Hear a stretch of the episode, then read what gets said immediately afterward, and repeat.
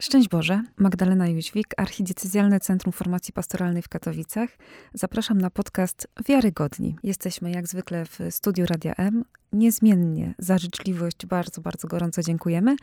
A ze mną dzisiaj jest ksiądz dr Krzysztof Matuszewski. Szczęść Boże, witaj. Szczęść Boże, witaj. Znany już Państwu z naszej rozmowy, z wrześniowej rozmowy. Zapraszam do odsłuchania. Dzisiaj chcemy porozmawiać o śmierci. O śmierci, która jest doświadczeniem, które przeżywamy w kontekście relacji z bliskimi osobami, ale też musimy się sami zmierzyć z tym tematem, tak? Z tym, że jednak przemijamy, jednak starzejemy się, jednak chorujemy, jednak ulegamy no, nieuchronnej e, jakiejś zmienności, która, czy chcemy, czy nie chcemy, skończy się naszą śmiercią. No chyba, że będzie paruzja, no ale to jest inna sytuacja. Tak.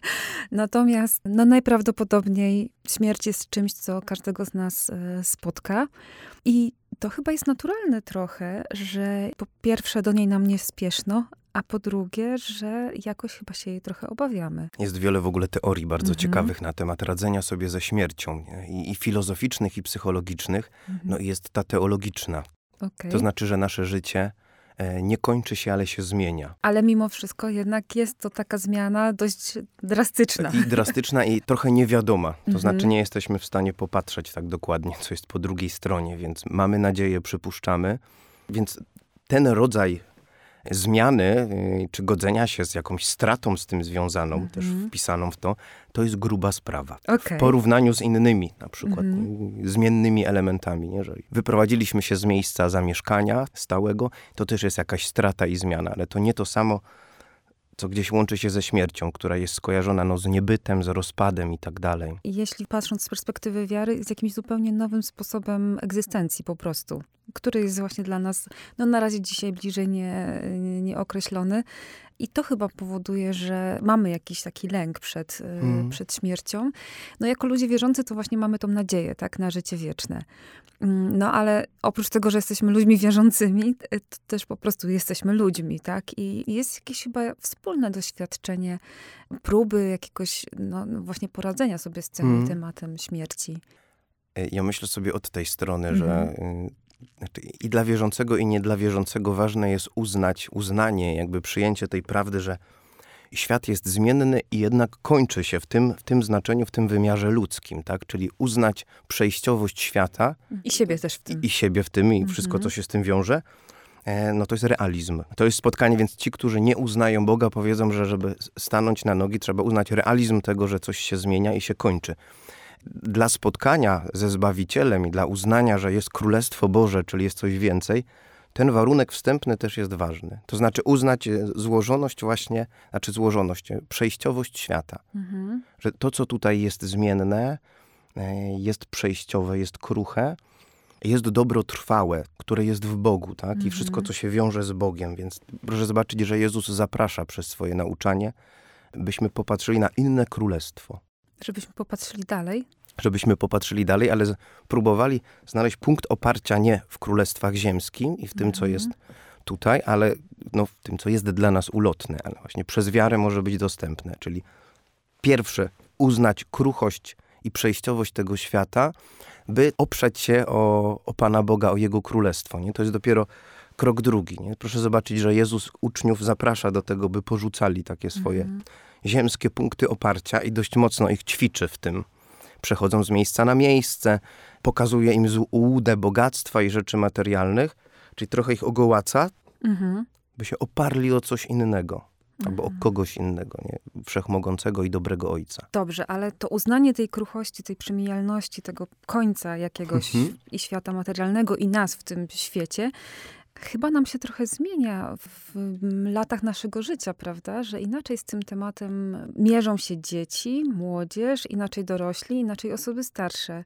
To jest naturalne? I tutaj spotykamy się z tym elementem, że bardziej dochodzi do nas temat przemijalności mhm. nie? i kruchości, kiedy widzimy, że się nam twarz zmienia i pojawiają się na nie jakieś zmarszczki, że zaczynamy... Włosy siwieją.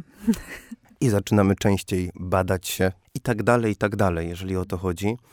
E, natomiast tu, tu, jest ciekawa rzecz, że ja wrócę do tych teorii okay, różnego tak, typu, tak. które mówią o radzeniu sobie e, ze śmiercią. Jest taka teoria, ona jest niereligijna, teoria opanowania trwogi, która mówi Mhm. o tym, że człowiek jako najwyższego gatunku ssak e, ma samoświadomość i najbardziej bolący element samoświadomości, czyli umrę. Prawda Mhm. o tym, że umrę, więc ta trwoga związana z tym, że rozpadnę się w niebyt jest tak ogromna, Mhm.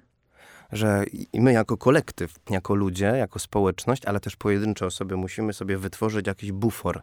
Czyli żeby poradzić sobie z tym, że jednak nie, żeby gdzieś ten lęk odszedł na bok. I taką rolę pełni religijność, czyli wiara w życie wieczne, Mhm. która jest powszechna w innych religiach Mhm. też.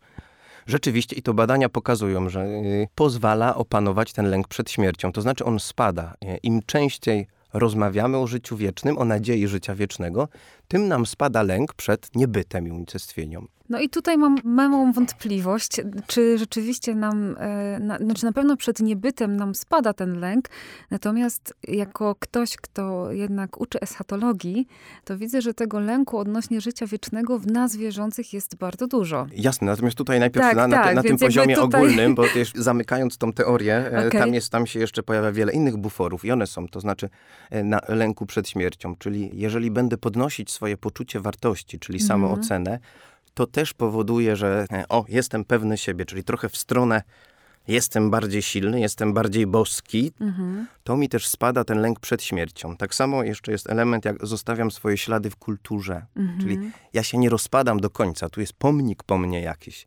Dzieło, rodzina i w tym wszystkim. To też teoria, która próbuje opisać nie to, co jest po drugiej stronie czy po tej, Tak, ale tylko też jak my sobie tutaj radzimy. jak my sobie tutaj radzimy. To nie stoi w sprzeczności dla mnie, okej, no rzeczywiście, jeżeli podkreślamy sobie nadzieję Mhm. dotyczącą życia wiecznego, to nie wszystkich, do tego wrócę, nie wszystkich to uspokaja, ale sporo, jeżeli to jest dojrzałe, rzeczywiście daje pokój wewnętrzny. Y, Jesteśmy tu przejściowo, jest ojczyzna w niebie. Jeżeli to tak działa, to czy to jest mechanizm, czy to nie jest mechanizm, to jest drugorzędne.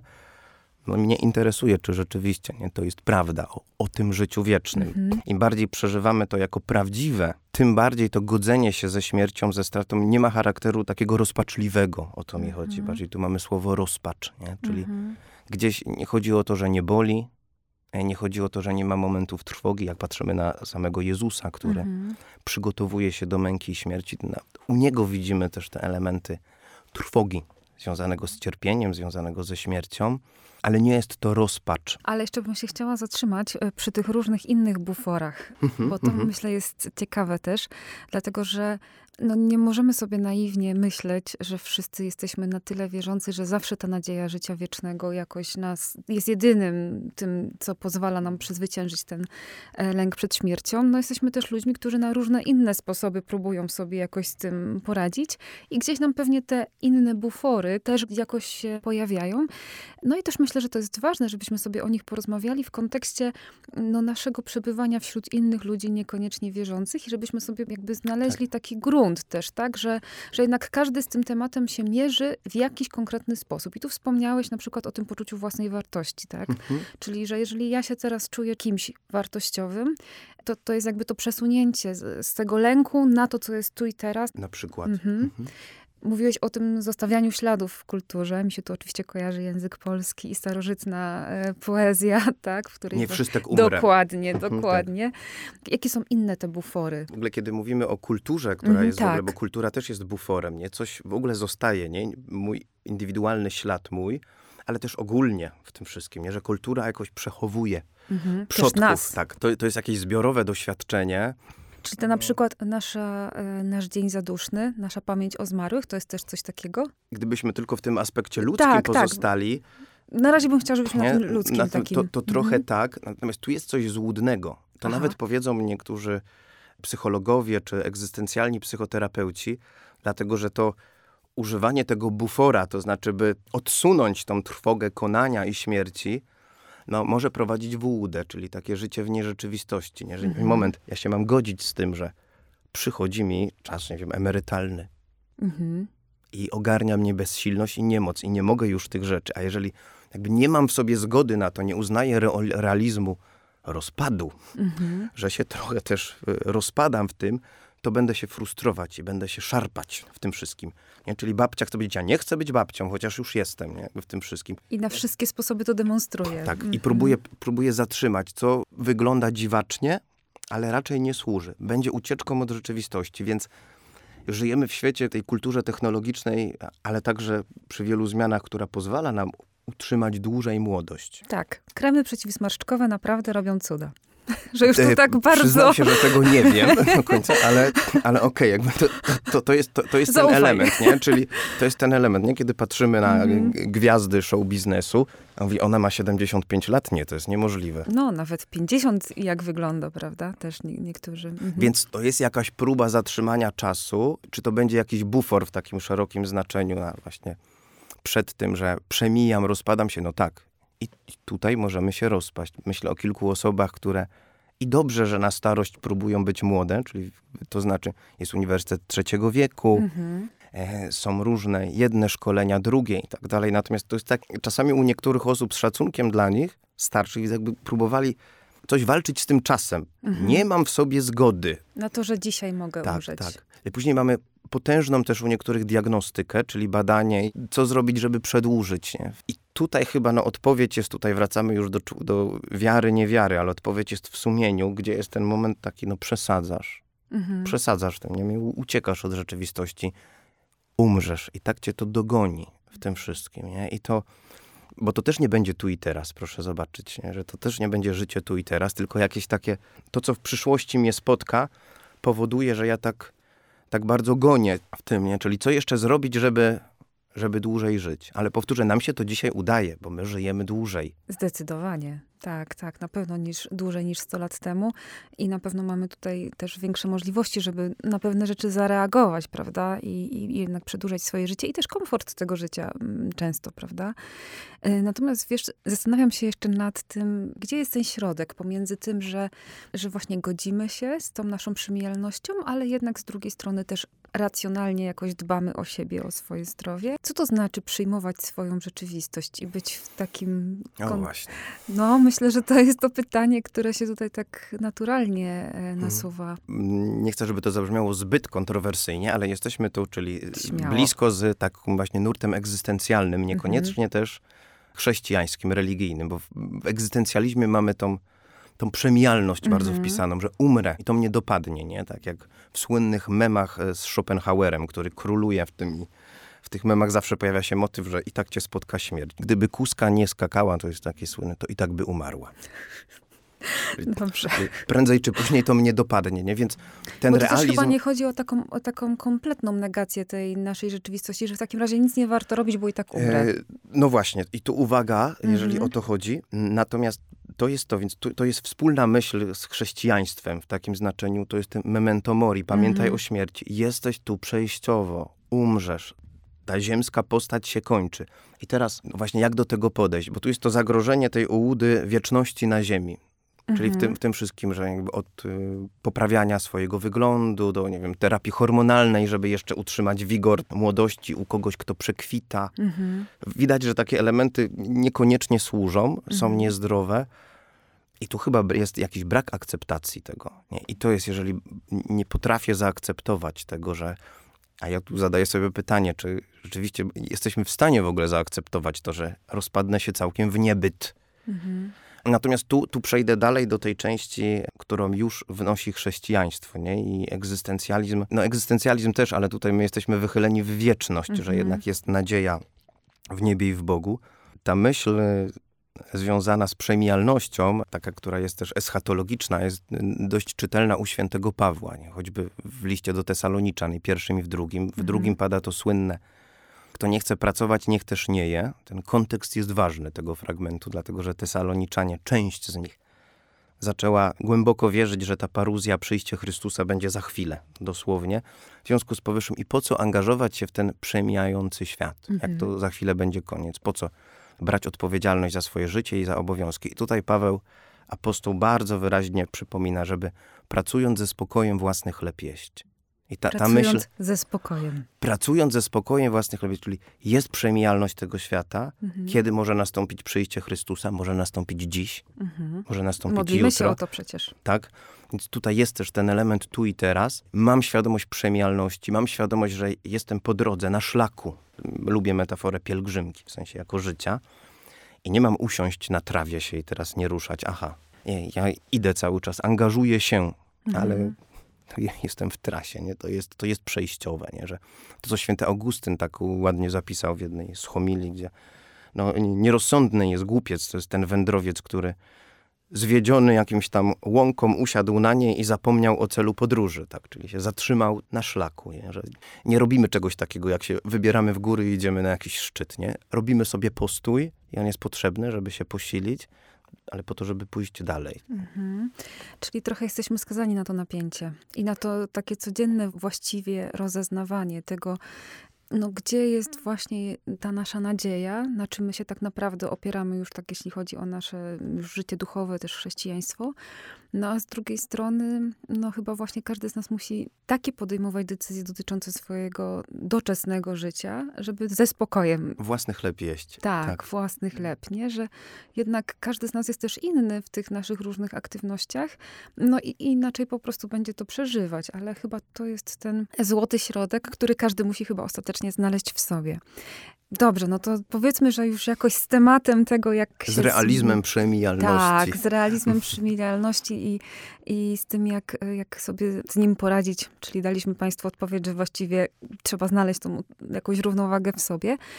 Y, Myślę, że, że mamy to jakoś uchwycone. No teraz może porozmawiajmy o tym, jak sobie radzić z utratą bliskich, z tymi, Mm. którzy odchodzą przed nami, prawda? No, to też jest doświadczenie, które czy chcemy, czy nie chcemy, każdego z nas spotyka, bo czy tracimy rodziców, czy tracimy mm, współmałżonków, czy tracimy dzieci, niestety też, prawda?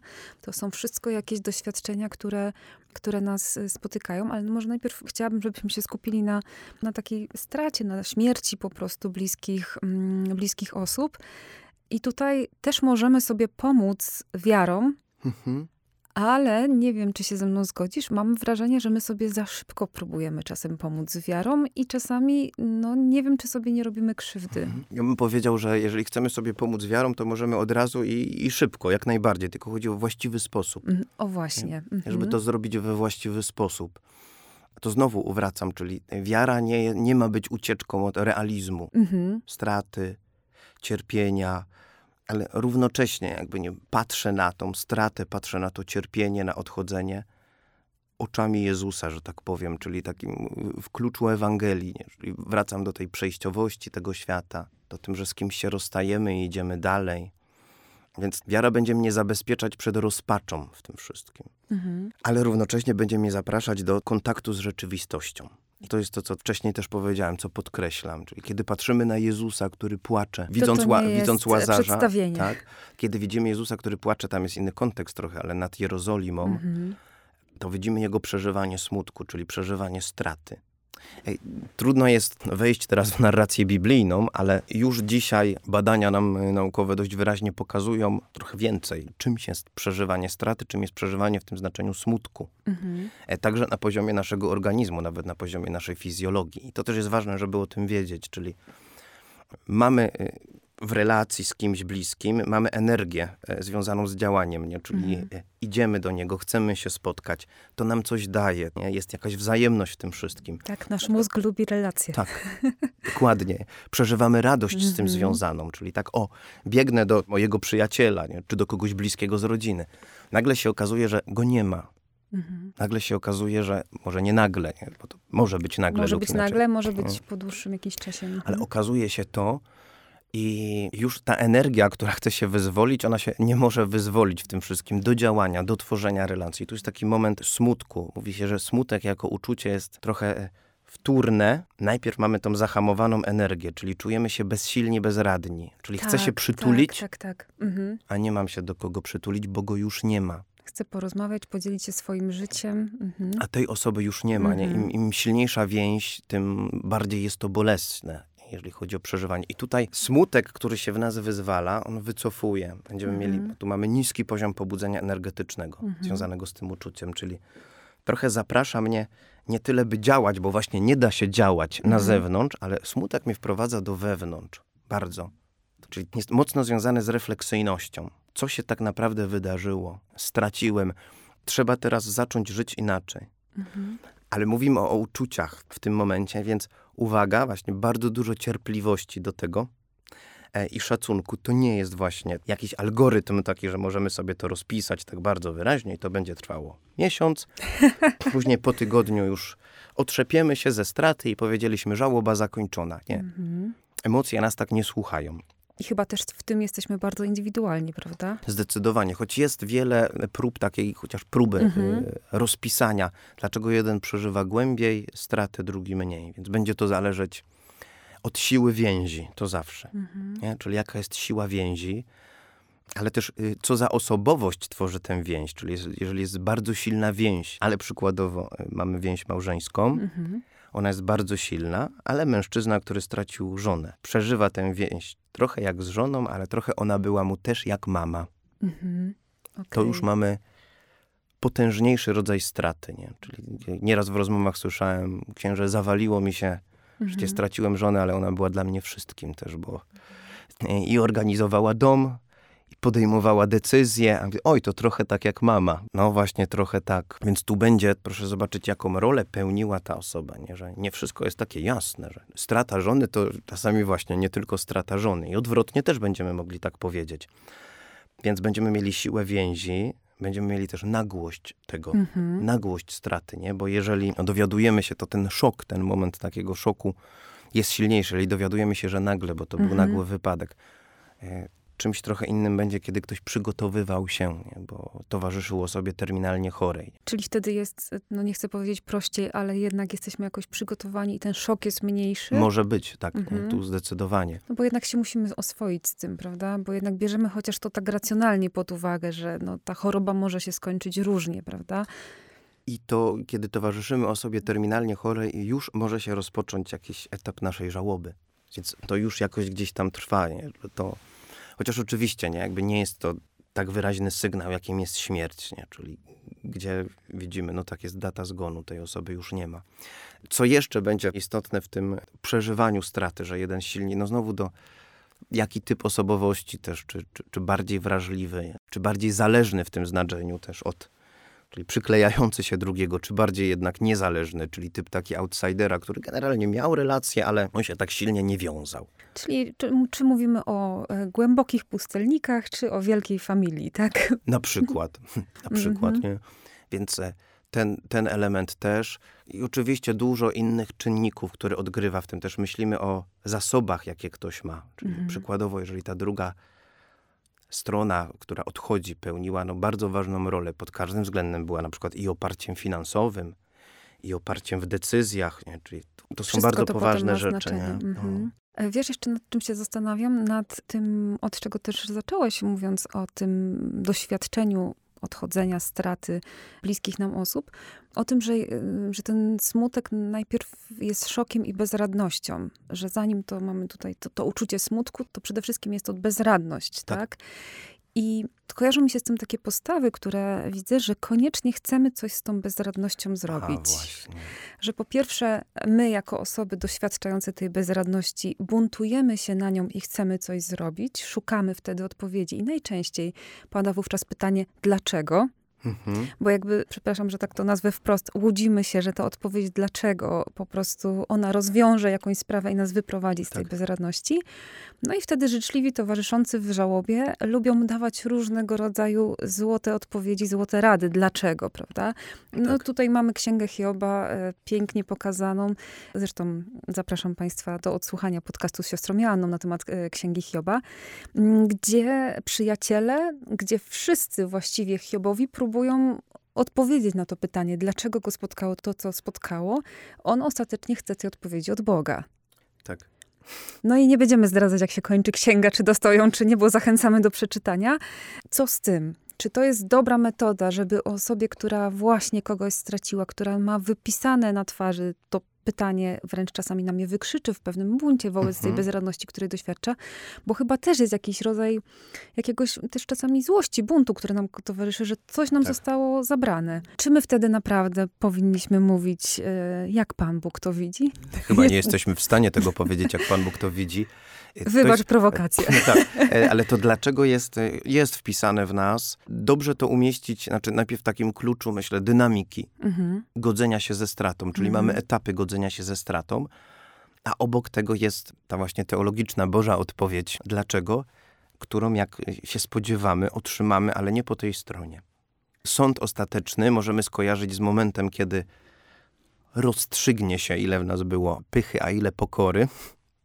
Także w temacie relacji, no w temacie Mhm. relacji przede wszystkim do Boga i do siebie nawzajem. I też rozstrzygną się te odpowiedzi, dlaczego? Aha, to o to chodziło, nie? To jest to, co, ponieważ nie mamy pełnej świadomości tego i złożoności nie? Jakby Mhm. świata. Tu też Jezus zaprasza właśnie, byśmy nie- sądzili, bo abyśmy nie byli sądzeni. W tym jest też, bo chcecie od razu mieć odpowiedź, jakby dlaczego to tak i w tym wszystkim. No my już wiemy dlaczego. Ale jest to Winny, też, niewinny. Mhm. Ale jest to też jakiś wyraz właśnie naszej pychy, że my chcemy panować nad rzeczywistością, prawda? Znać jej wszystkie zależności, a nie pokładać ufności w Bogu i w relacji z Nim. Ale okej, tą teologiczną stronę y, na razie Tak, tak. wróćmy może do tego, do Znaczy wróćmy do etapów. tej dynamiki. Mhm. Nie? To znaczy jest moment szoku. Nie? To, jest, to jest ten moment pierwszy. To się nie mogło wydarzyć. Nie? Zazwyczaj. On też różnie jest przeżywany. U niektórych krócej, u niektórych nie. Ale jest ten moment wyparcia, żeby zatrzymać to tak, jak było. Czasami u niektórych niestety ten moment szoku przeradza się w taki rodzaj e, patologicznej żałoby. To znaczy pochowali już ukochane dziecko. To jest bardzo poważna sprawa i, i serce pęknięte ale zatrzymali energię w tym wszystkim. To znaczy zostawili wszystko tak, jakby nic się nie zmieniło. Pokój jest mauzoleum po dziecku. Lacie są ułożone dokładnie tak, jak on je układał. Nie wolno nic dotknąć. I temat śmierci i straty jest tematem tabu. Nie rozmawia się o tym. No to tutaj czujemy, że coś jest e, nieruszone, nieprzeżyte, ale bardziej zatrzymane. Nie? Więc A jest też druga skrajność, że na przykład mm, jedni tak konserwują na przykład te, te rzeczy, pamiątki, a drudzy z kolei wszystkiego się pozbywają, jakby chcieli ze sobą spalić most? Czy to tak, też jest? Tak, znaczy skrajność brzydko pachnie, nie? więc trzeba się Mhm. zastanowić Mhm. dlaczego. Ale mamy ten etap, czyli kiedy dochodzi do nas, stało się, czyli Mhm. kiedy ten e, jakiś mechanizm wyparcia czy zaprzeczenia puszcza, no to dochodzi faza emocji. I tam Mhm. mamy taki moment, który niektórzy nazywają właśnie buntem, Mhm. e, gdzie łącznie możemy przeżywać różną, różne odmiany uczuć i nawet poczucie winy, że nie zrobiłem wystarczająco dużo, nie, żeby uratować na przykład terminalnie chorego. E, może też być złość e, Mhm. i do siebie, a nawet do zmarłego. Jak mogłeś mi to zrobić? Do Pana Boga też. I do Pana Boga też. Na kogoś trzeba to y, zwrócić. Tak. Proszę Mhm. zobaczyć, to, te- emocje pokazują ten element bezsilności, bezradności, Mhm. że ja chcę działać, chciałbym coś zrobić, a, a No nie właśnie ma. ta energia, o której mówiłeś, Tak, nie? prawda? Mhm. A nie ma. I tutaj organizm trochę się szarpie w tym wszystkim. Mhm. I na tym etapie z szacunkiem dla siebie to jest w porządku. Nie? Oczywiście tutaj dochodzi też żal i cała mieszanka innych uczuć, więc mamy ten etap drugi, emocji lub buntu. I przychodzi etap trzeci, bo Mhm. tam jest ten, to pytanie dlaczego. To jest etap targowania się. Mhm. etap targowania się, gdzie trochę wracamy, to się nawet nazywa regres do myślenia magicznego. Mhm. Czyli trochę tak jak u dziecka, które próbuje trochę zaklinać rzeczywistość. Czyli gdybym zrobił tak i tak, to może by się nie wydarzyło w tym wszystkim. Oj, nie? tak. Czyli Mhm. e, w tej swojej, proszę zobaczyć, dziecko w bezsilności, Mhm. no to właśnie to, to wyciągnijmy różdżkę teraz i zaczarujemy, może ktoś zniknie. Nie? Czyli jest coś takiego i, i my regresując się, w tym też mamy takie różne składanie obietnic Panu Bogu, zakłady różnego typu. Tak, tak, tak. Myślę, że to jest coś, co wielu osobom jakoś towarzyszy w tym sensie, że, że kiedy mówisz o tym właśnie poczuciu winy, tak, czy jakimś takim, że gdybym coś zrobił, albo że coś zrobię, to jeszcze bym coś uratował, kogoś uratował. No i znowu mi się to kojarzy z tym, że, że to jest też jakiś sposób właśnie taki poradzenia sobie i dania sobie tej odpowiedzi, dlaczego. Tu ja to czy znam wiele osób, które, i to jest takie znowu z szacunkiem dla nich, które weszły w tak mocną fazę buntu, gdzie no, podjęły zakład z Bogiem Mhm. w tym wszystkim. Tam bardziej chodzi o taki moment też związany z poczuciem krzywdy, że ta śmierć miała jakiś element niesprawiedliwy, nie? czyli odszedł ktoś e, niewinny, albo jakiś błąd w sztuce u lekarzy, Mhm. co też się zdarza. Nie? I teraz jest złość e, nawet na, na, na sprawców krzywdy, Mhm. zawinionej lub niezawinionej. I teraz to domaganie się sprawiedliwości takiego za, za wszelką cenę. I pamiętam takie mocne rozmowy do końca życia pozostaną z kilkoma osobami, gdzie albo to się rozwiąże i będą ukarani ci sprawcy, albo Pana Boga nie ma. A mówię, no to zrobiła Pani zakład. Mhm. No tak, tak, tak, tak, trochę coś takiego właśnie, nie? Zobaczymy, czy się okaże. Tym, który stanie na stronie sprawiedliwości. Więc to jest z szacunkiem do takiej ilości emocji, które są w tym, e, jakaś próba cierpliwego, to akurat po duszpastersku, nie? Wytłumaczenia, że no tak jest, to jest nasza kondycja na ziemi tu, e, niezrozumiała, poplątana w tym wszystkim, gdzie sprawiedliwym i niesprawiedliwym się obrywa, ale ta próba jakby wykrzesania sprawiedliwości, łącznie z taką chęcią odwetu, nawet mhm. nadmiarowego, już, już nie będzie służyć, też w przeżywaniu żałoby. Nie? Ale tutaj jest, to, to widać ewidentnie, jakie jest wielkie targowanie i że ja chcę delikatnie, masz prawo tak czuć i przeżywać, ale uwaga, mhm. nie dolewaj oliwy do ognia, bo tobie to nie służy. Nie? I nawet twoje relacje z tym, kto odszedł ze zmarłym, czy w perspektywie wieczności, czy to jest jemu potrzebne, mhm. czy tobie to jest potrzebne, może być coś niebezpiecznego w takim ekstremalnym targowaniu się. Natomiast to mniej lub bardziej jakoś przychodzi. Nie? I tam jest właśnie to pytanie nie tylko dlaczego, ale też, że trzeba to rozwiązać właśnie jakoś mhm. tak. Biorę w sprawę swoje ręce albo Zobaczymy, jak Pan Bóg. Bo znowu chcemy wyjść z jakiejś bezradności, ciągle z tej bezradności, bo te różne emocje nam się tutaj pojawiły, mierzyliśmy się z tym. No i mamy potem właśnie to targowanie, o którym mówisz. Jest coś potem? Jest coś następny etap? I dobrze, że jest o to jaki, pytasz. Tak. Jest jakiś następny etap? E, mhm. Bo to, to jest w ogóle dynamika też uczuć e, w stracie e, bardzo naturalna. Mhm. Czyli od, od szoku, gdzie jakby nie ma, nagle ujawniają się, ujawnia się duża ilość emocji, ale mhm. takich energetycznych do góry. Tam jest ta ta złość, tam jest to poczucie winy, szarpanie się, ono idzie jeszcze dalej, jakby w tym targowaniu się. Dlaczego? Ale jak się już wytrzaskaliśmy, to jest spadek. I mhm. wchodzimy w fazę nazywaną depresją, fazą mhm. depresji. Nierozumianą jako jednostka chorobowa, kliniczna depresja, a jako etap żałoby. Mhm. Czyli trochę taki etap czystego smutku. Mhm on też jest ważny. I takiego chyba też spadku energii, tak? E, I tu mamy ten smutek w czystej postaci, o którym rozmawialiśmy. My, dochodzi do nas nasza bezsilność, że to moje szarpanie to nic nie zmieni. Jestem naprawdę bezsilny. I, I z tą swoją bezsilnością, oczywiście, w którą jest wpisana tęsknota, rozdarte serce i tak dalej, idę, spaceruję z nią, przeżywam. Ja, więc tutaj jest przestrzeń na przeżywanie. Tu jakbyśmy tak technicznie chcieli mm -hmm. próbować powiedzieć, to też jest tajemnica, że jedni tak, drudzy inaczej, ale tu jest zaproszenie do, do przeżywania. To znaczy do czego? E, do bycia z tym smutkiem. Ja tłumaczę do bycia w sposób taki bierny, pasywny z tym smutkiem. Co to znaczy? Czyli ani się nie boksuje właśnie z tym, w tym wszystkim. E, czyli próbuję, nie, nie chcę, żeby ta fala do mnie przyszła, a ona mnie dopada w różnych momentach dnia, może dopaść czy wieczorem. I rzeczywiście jak fala, bo smutek straty jest trochę falowy mhm. i chodzi o to, by e, spotkać się z nimi, pobyć. Więc nie budujemy mutamy, to jest ta, ta bierność, że kiedy przychodzi fala, to ona przychodzi, ale odwrotnie, bo też mamy taką tendencję, ci bardziej emocjonalni, z takim rysem, nazwijmy to bardziej e, histerycznym, mhm. mają tendencję, żeby dolewać oliwy do ognia. O Boże, jakie to jest straszne. To też nie, bo wtedy zaczyna się to kłębić jak podejść w uczciwy sposób do tego smutku, który mnie nawiedza, nie, nie uciekając przed nim, ale też nie karmiąc go, ale po prostu być z nim. E, to jest naturalne, że przebywanie z tym, pozwolenie sobie na przeżywanie pomaga.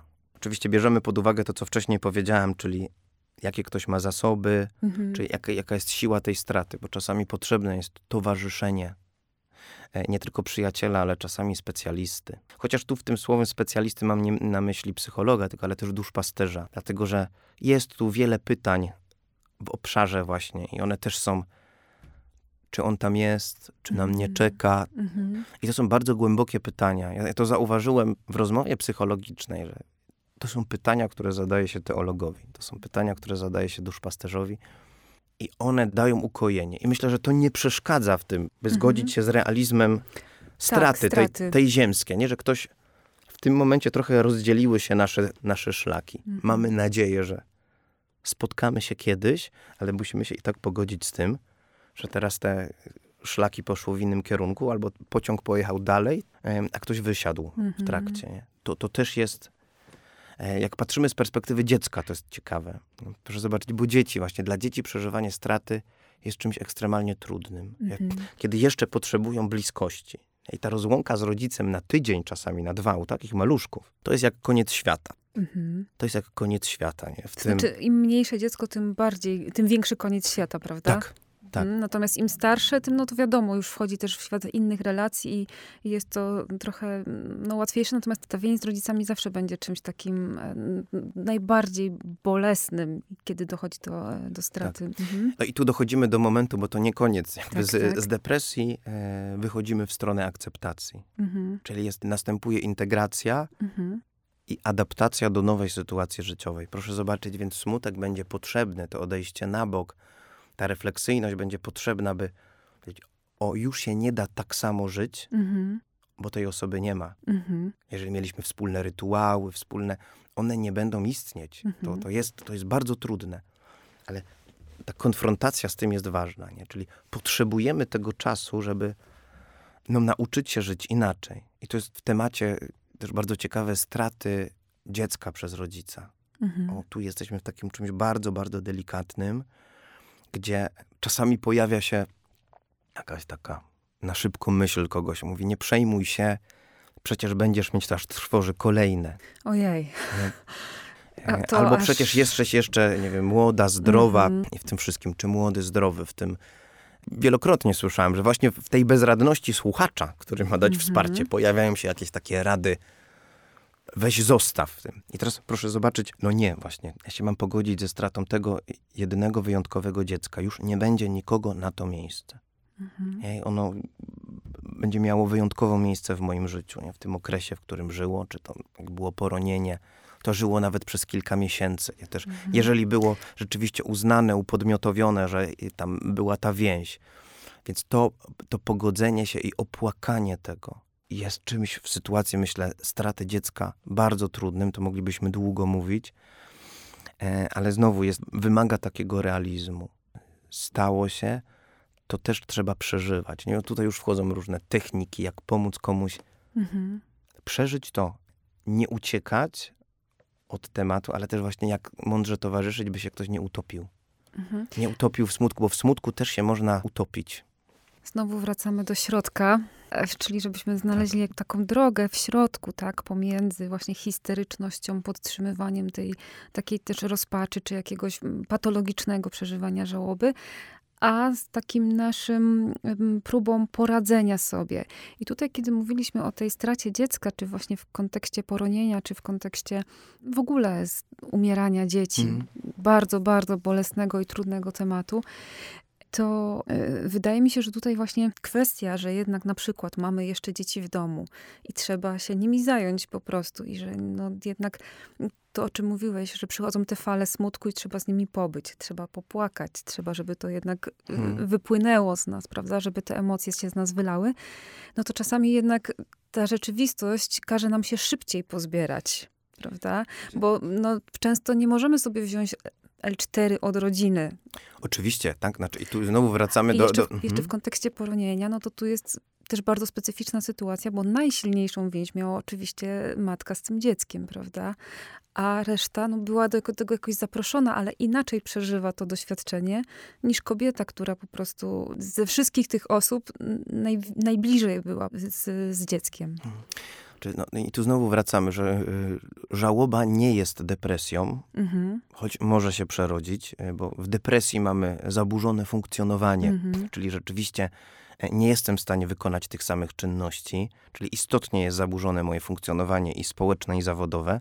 W żałobie nie. Mhm. W żałobie nie. Tam nie ma takiej zmiany nastroju, że jest istotny spadek, który powoduje, że przestaje działać. Właśnie nie. To jest, jest coś ciekawego w żałobie, czyli ja idę do pracy i mogę nawet się śmiać, funkcjonować i cieszyć. Niektórzy nawet mają z tego powodu poczucie winy, że jak to ja że żyję. straciłem, a żyję, mhm. ale później mnie nachodzi wieczorna fala, która tak, tak ściska, że nie potrafię się powstrzymać. Czyli kiedy jestem w akcji, w działaniu i myślę sobie, że współczesność nie sprzyja właśnie przeżywaniu. To, to, to, mhm. mam na myśli. Nie? nie chodzi o to, żeby uciec od świata i sobie wyjechać w góry i przeżywać, ale jednak współczesność... E, nie sprzyja. Proszę zobaczyć przy załatwianiu w ogóle spraw pogrzebowych. Oj tak. Przy całym, całym zamieszaniu wokół tego to jest jedno wielkie zadanie, zadaniowość jednej rzeczy, więc... I to jest, jeżeli chodzi o pogrzeb osoby, która urodziła się, to jest to już i tak dużo prostsze, a kiedy mamy na przykład kwestie dotyczące poronienia, to tam naprawdę jest czasami dużo skomplikowanych sytuacji, które się wiążą tak, z tym tak, tematem. I teraz tu jest zadaniowość, coś trzeba, e, formalności, wszystkie związane z tym, ale myślę teraz na przykład o osobie dorosłej, kiedy właśnie wszystko opadnie, e, czyli głównie organizatorzy, najbliższa rodzina, kiedy stypa się skończy, kiedy e, mhm. to,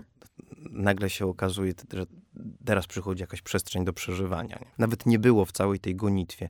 I tutaj jest bardzo ważne, żeby jednak tą przestrzeń sobie dać, mhm. żeby o mhm. to zadbać. Szczególnie dotyczy to tych osób, które trochę uciekają. Tempo życia jest duże dziś. Mhm. Ta perspektywa czasu, który trochę nas goni, presja czasu jest w tym wszystkim.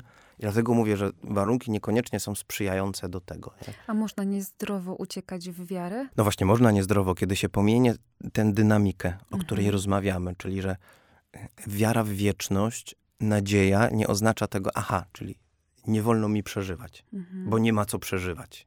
Mhm. Jeżeli sobie w ten sposób odpowiadam, no to popełniam bardzo poważny błąd. Dlatego od, odwołuję do Jezusa, który mam, przeżywa. Albo hmm. kiedy mam na przykład taką zgodę na wolę Pana Boga, że tak, straciłem i się nie buntuję, bo właśnie, bo przyjmuję Boga, Jego wolę w moim życiu.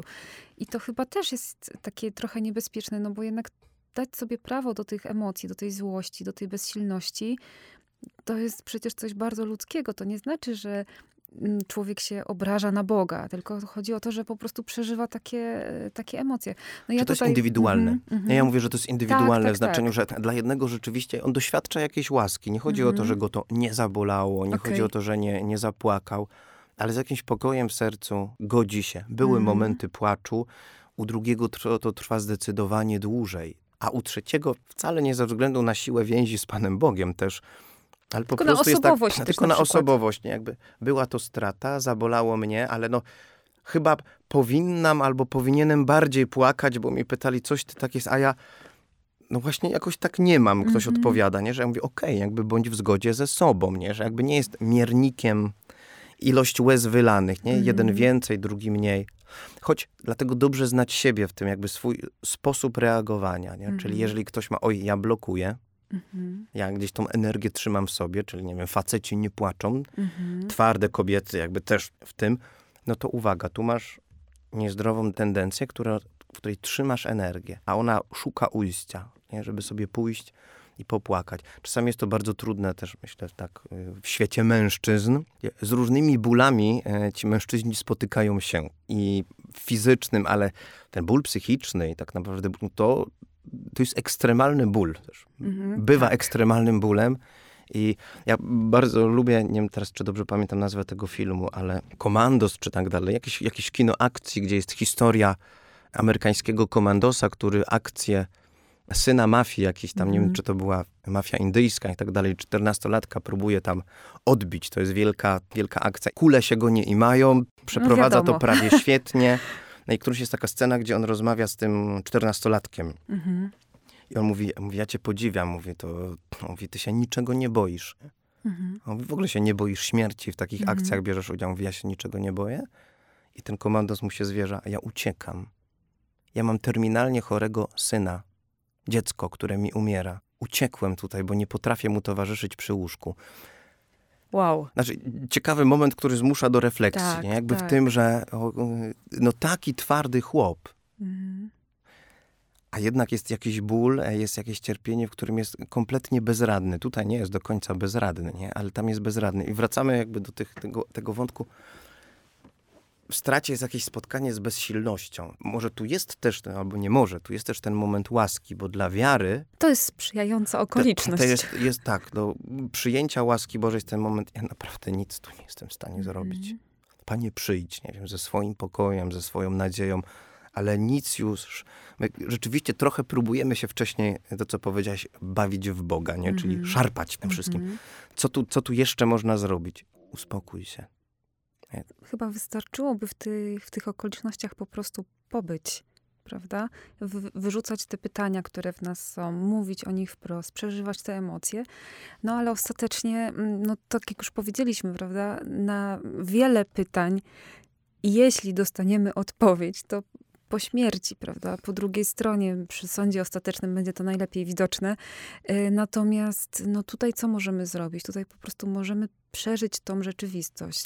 Czy to jest ważne też nie z perspektywy, bo my tu trochę się wcielamy w tego, który przeżywa, ale też wejdźmy w rolę tego, który towarzyszy. Właśnie, tak, tak, tak. Tego, który towarzyszy, nie? I mając w tle tą bezradność, też karkołomność też... różnych naszych porad, które tak, próbujemy ale też dawać. naszą właśnie bezradność wobec tej sytuacji, w którą empatycznie próbujemy się wczuć, ale tak do końca nigdy tego nie zrozumiemy, co przeżywa ten drugi człowiek, bo tak jak powiedziałeś, każdy też przeżywa to trochę inaczej, tak. prawda? Mhm. Natomiast im większa w nas akceptacja własnej bezsilności, mhm. im większa w nas akceptacja własnej bezradności, tym możemy lepiej towarzyszyć. Dlaczego?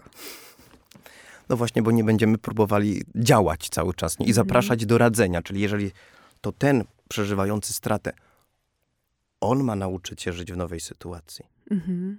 On ma przeżyć, a jeżeli my mu będziemy za bardzo matkować w mhm. tym wszystkim, ale wiesz, co to znaczy dawać mądre wsparcie, nie? że mhm.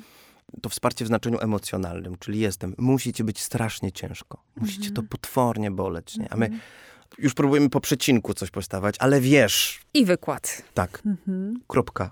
Musi ci być bardzo ciężko. Mnie to też ściska za serce, jak o tym opowiadasz. Nie? Towarzyszenie, w którym nie ma, a zaraz ci podam radę, a mnie się to. Tu, tu, potrzeba wyczucia, ale czasami nawet ci, którzy przeżywają, oni tak się ustawiają, że oni chcą, nie? Że jakby też powiedz mi, co robić tak, od tak, razu, tak. nie? Mhm, ale chyba to jest właśnie ten moment, w którym nie powinniśmy się dać prowokować trochę, prawda? To znaczy czasami ktoś potrzebuje wsparcia informacyjnego no też, tak. nie? To mhm. informacyjne no to w znaczeniu, taka jest dynamika żałoby. Ona mhm. ma takie etapy. Albo właśnie już profesjonalnego wsparcia informacyjnego, mhm. czyli mocno to przeżywasz, bo to jest strata podwójna. Trochę właśnie jak żony, mhm. a trochę jak matki, tak dalej. Że jesteś mhm. jak bezradny chłopiec, który jest Dlatego tak silna sprawa, więc od teraz dla ciebie zadaniem jest uczenie się właśnie i, i przeżywanie tego, jak żyć bez tej osoby, ale nagle trzeba się zacząć uczyć innych rzeczy. Na przykład jak zadbać o rachunki, mhm, jak dokładnie. podjąć decyzję w mhm. tym wszystkim. Nie? I tu są takie momenty niebezpieczne, nie? że coś może kontrowersyjnego powiem, ale jak więź jest z tym, którego odchodzi, zbyt silna, mhm. w takim charakterze symbiotycznym, zależnym, to uwaga mhm. w tym wszystkim, to uwaga. Nie? To myślę sobie, mam w tle kilka historii małżeńskich, które wyglądały jak takie love story aż do wieku emerytalnego. Tak mocno wszystko razem, ale to nie do końca było razem, bo jedna strona była dominująca właśnie, a mhm. druga była do niej doczepiona przez całe życie. Więc wszystko razem, nie? Z dzióbka do dzióbka. Mhm. Jedli, krzyżówkę rozwiązywali moment straty był rozpadem. Trzeba było tego, który przeżywał stratę, uczyć życia też e, i emocjonalnego radzenia sobie. Nie? I tu już, już nie chodziło tylko o wsparcie w żałobie, ale tu już potrzebna była psychoterapia. Mhm. Ale jeszcze to, o czym powiedziałeś, jakoś mnie tutaj zastanowiło, to znaczy, e, że czasami dajemy to wsparcie informacyjne, bo to też jest mm, potrzebne, żeby, żeby tak w tym obszarze kogoś wesprzeć, ale to jest i tak ciągle do rzeczywistości, do tego, co jest i tu i teraz. I to jest ta różnica, prawda? Bo kiedy człowiek ma te pytania, że dlaczego to się stało, czy to moja wina i tak dalej, i tak dalej, no to to jest ciągle ta chęć panowania nad przeszłością albo przyszłością, tak? Albo no w takim tak. znaczeniu takiego nieprzyjmowania do wiadomości. A kiedy właśnie jest to wsparcie informacyjne, to ono jest takie ku tej sytuacji, ku tak. tej rzeczywistości. Znaczy, tutaj też będzie mhm. moment odbarczenia, na przykład jeżeli ktoś za bardzo idzie w poczucie winy, no kiedy tak, zrobił wiadomo. wszystko, co się, co się dało. Więc... Urealniamy mu to po tak, prostu. Tak, tak. Mhm. Natomiast tu e, wróćmy do początku, czyli teorii opanowania trwogi, bo mhm. można się tak buntować. A, no to religijni sobie radzą za pomocą wiary, wiary. W, życia, w życie wieczne. Tak, ale jeżeli uznajemy to za rzeczywistość, mhm. jeżeli wierzymy zmartwychwstałemu mhm. Chrystusowi, no to to nie jest punkt oparcia dla nas ulotny. Więc e, to jest część. Jest to ocalające przed rozpaczą. Mhm nie? w tym, w ale, tym nie ale nie negujący całej warstwy Dokładnie emocjonalnej tak. w nas, prawda? Tak. Więc to, to jest też ciekawe, że mamy tą wiarę w Boga, wiarę w życie wieczne, wiarę w zmartwychwstanie, a mimo wszystko e, jednak jednocześnie przeżywamy te emocje, które jakby się nam kłócą trochę z, tym, z tą tak, naszą tak. wiarą. Tylko proszę zobaczyć, można to samo przeżywać, nie? czyli ból straty, e, rozstania, można przeżywać w jakimś w klimacie pokoju. Mhm w klimacie sensu, nie? który Mhm. właśnie jest takim światłem wiary. A można przeżywać właśnie, tak podaję, w takim szarpaniu się kompletnie nie. Albo, albo też, gdzie ten Pan Bóg jest właśnie tak mocno na ławie oskarżonych, że Mhm. ja się z tobą zakładam, ale ciebie tak, zakładam, ale ciebie tak naprawdę nie ma. Ty, ty nie czuwasz nad tym wszystkim. Bo tu jest coś, to jest taka ostatnia myśl, coś egocentrycznego, Mhm. a nawet powiem, rys ma egoistyczny w przeżywaniu żałoby. Przecież jeżeli wierzymy, że druga strona na przykład jest w Bożych rękach, e, jest już w obszarze nadziei bardziej, To dlaczego tak bardzo chcemy ją a ściągać? to przecież to nie, to, to nas boli. Mhm. To nas boli, nie? Pamiętam taką rozmowę sprzed lat, gdzie on mówi, i kto mi teraz będzie robił jajecznicę? Kto mnie będzie podwoził? A I tam był naprawdę płacz w tym wszystkim. Miałem taką potrzebę konfrontacji. Mówi, kogo to boli, nie? Mhm. W nas jest, jest to ten element egocentryczny. No nie obrażajmy się na niego, ale jest. Dlatego osoby, które za bardzo wpadają wtedy, też przeżywaj, zapraszamy cię do tego. Ale właśnie, żyjesz w świecie, nie? jest twoja praca, nie? nie rezygnuj z niej. Są pozostałe dzieci, które też potrzebują matki i ojca w tym wszystkim.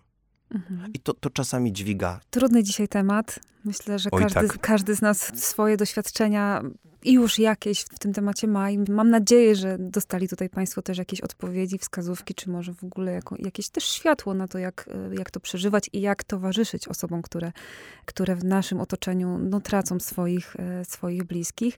Złotej rady nie mamy, trzeba jednak ciągnąć do środka i do rzeczywistości i mieć to też pod, pod uwagą, że jesteśmy wszyscy jednak różni, prawda? Mhm. I mamy różne też Tak. po prostu sposoby radzenia sobie e, z, ze śmiercią swoją i innych. Dzięki za rozmowę. Dzięki wielkie. Ja przypomnę, że jak zwykle nagrywaliśmy się w studiu Radia M i za życzliwość bardzo dziękujemy. Zapraszam do kolejnego odcinka. Szczęść Boże.